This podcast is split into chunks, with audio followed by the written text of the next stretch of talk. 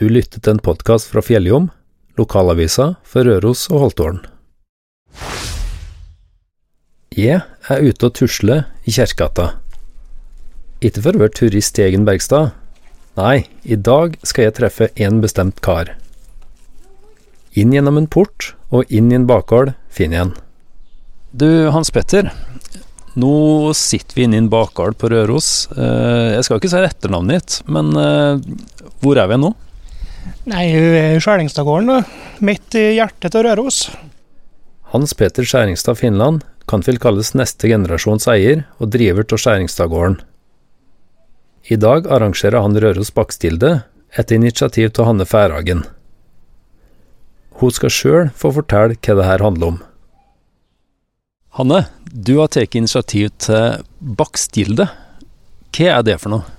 Ja, det er, eh, det var egentlig takket være Røsbjørgvollen gård, da, som kommer hit i Skjæringstadgården og har fjøskafé og baker kjempegode brød av bygg og emmer og forskjellige kornslag. Eh, Men så har jeg jo i mange år, helt eh, nesten siden jeg flytta til Røros, har jeg syntes at jeg har ikke fått tak i så veldig mye godt brød her. Eh, Jeg pleier å kjøpe brød kanskje i Trondheim om jeg har anledning til det, og savner jo sånn surdeigsbrød og landbrød og sånt noe. Så det var liksom ideen var å kanskje samle flere sånne små, småbakere, da, håndverksbakere. Sånn at folk kunne få komme innom her i Skjæringstadgården og kjøpe med seg litt godt brød, da. Og bakst generelt. Ja, for at godt brød er et håndverk som kanskje har vært litt oversett oppi her?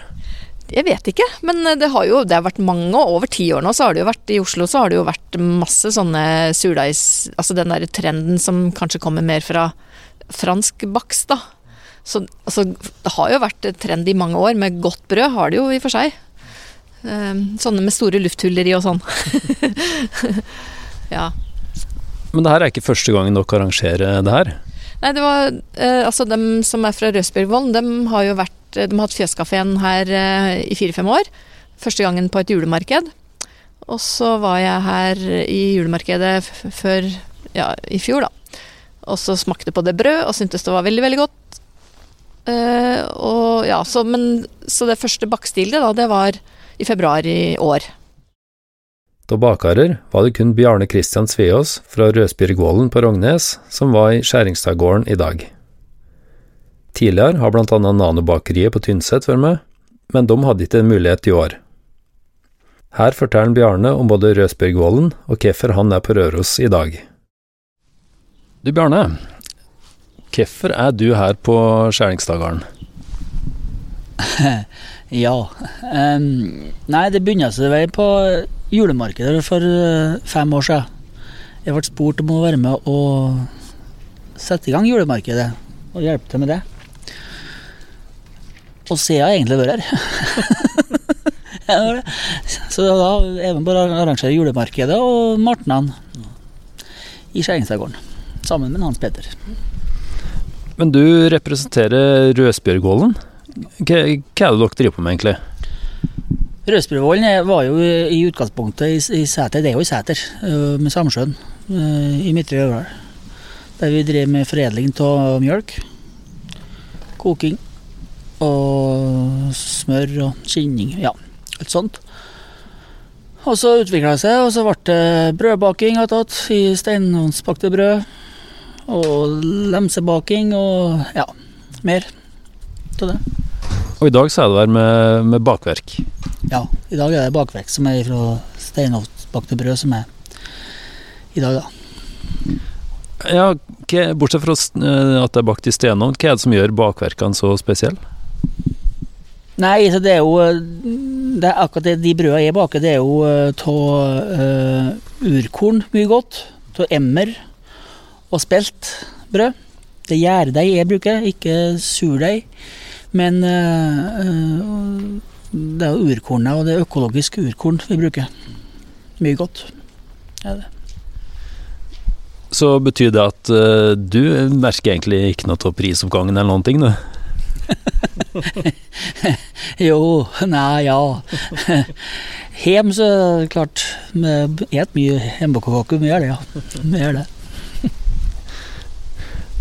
Men uh, det her er jo litt sånn avvik fra det, kall normale brødet som nordmenn spiser, det du får kjøpt på Rema. Er det Har det blitt litt mer fokus på bakst i Norge? Ja, jeg har inntrykk av det. Eh, Jeg har det. Um, Det er egentlig veldig lettselte brød, og folk spør jo på det. Må, det bakes ikke så mye hjem lenger, tror jeg, som det gjorde før. Og det er noe mye bedre med hjemmebaka kake enn kjøpekake med superbrød fra Rema, det må en bare si. Mer mat i det, da. Men mitt inntrykk er at Norge har ikke noen sånn baker, bakstradisjon egentlig. Ikke noe sterkt fokus på det, men, men tar jeg feil der? Har nordmenn vært opptatt av brød hele, hele veien? Ja, altså nordmenn Vi er jo, vi er jo en brødnasjon. Vi har jo brød til nesten alle måltid. Sånn, det er jo bare medene som ikke har kake tatt. Så det er jo bestandig brød. Jeg har jo det.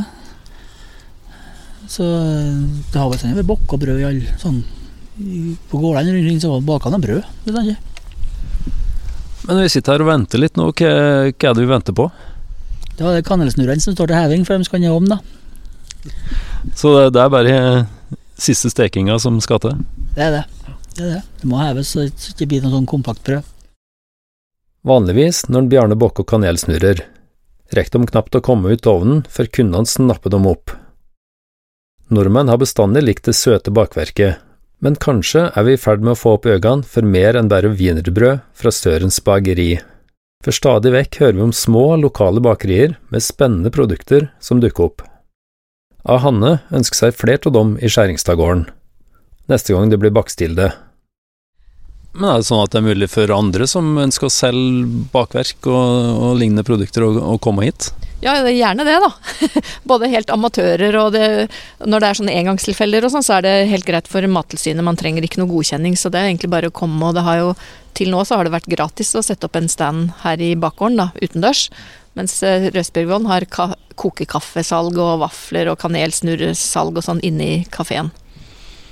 Så vi vil gjerne ha det, ja, både sånne halvproffe og Så det er liksom ja, en mulighet for dem til å kunne vise seg frem, da. Nå er det litt stille akkurat nå, det er kanskje litt tidlig, og vi venter fortsatt på kanelsnurrene. Bru, bruker være mye folk? Ja, det var mye folk her i februar, og da var det litt sånn, nesten litt sånn Martnas-stemning inne i fjøset her. Men det er jo bare Ja, og de andre kan jo svare mer på hvordan det har vært under julemarked og martnan, da. Så men det er jo Elden-uka nå, så jeg vet ikke helt eh, om de eh, har våkna folk her. Ja, dette Søriken Hans Peter har å fortelle om sjølve kafeen og drifta av den. Det er ei lita dør på veggen her, og her står det kafé. Eh, når ordna, ordna dere det? Nei, hvis det kommer på helt rett, så var det vel til julemarkedet da, i 2017. Var det. Da hadde vi et eh, så å si nyrestaurert fjøs. Og så fant vi ut at det måtte brukes til noe annet enn lager, da. Så da bestemte vi oss for å starte opp kafé. Men vet folk om denne kafeen? Ja, det gikk nå litt trutt i starten, da, men etter en god del år nå med solid gjennomføring, om vi skal si det sånn, så tar folk på vet om oss, ja. Gjør. Men det er kanskje mest på vinterstid, da? Eller er det folk her, mye folk her på sommeren òg? Nei, det, vi satser nå stort sett på julemarkedet og martna, det gjør vi. Så litt enkel matservering og kaffe og vafler, da. Ja, for at hovedgeskjeften den foregår ut mot gata. Ja. Men kommer dere til å fortsette med sånne mindre arrangement eh, inne bak oss her? Ja, altså planen med dette her er nå å få bygd det såpass til at en kan leie ut det, og leie ut til selskap og ja, bryllup, konfirmasjon. Det som skal være, da. Men det blir fortsatt plass til sånne ting som uh, det arrangementet som vi har i dag. Ja. Det skal være det. Helt til slutt må jeg bare legge til at alle brødene Bjarne hadde med seg, ble solgt ut i løpet av bare to timer. Du har lytta til en podkast fra Fjelljom. For flere podkaster og nyheter går du til fjelljom.no.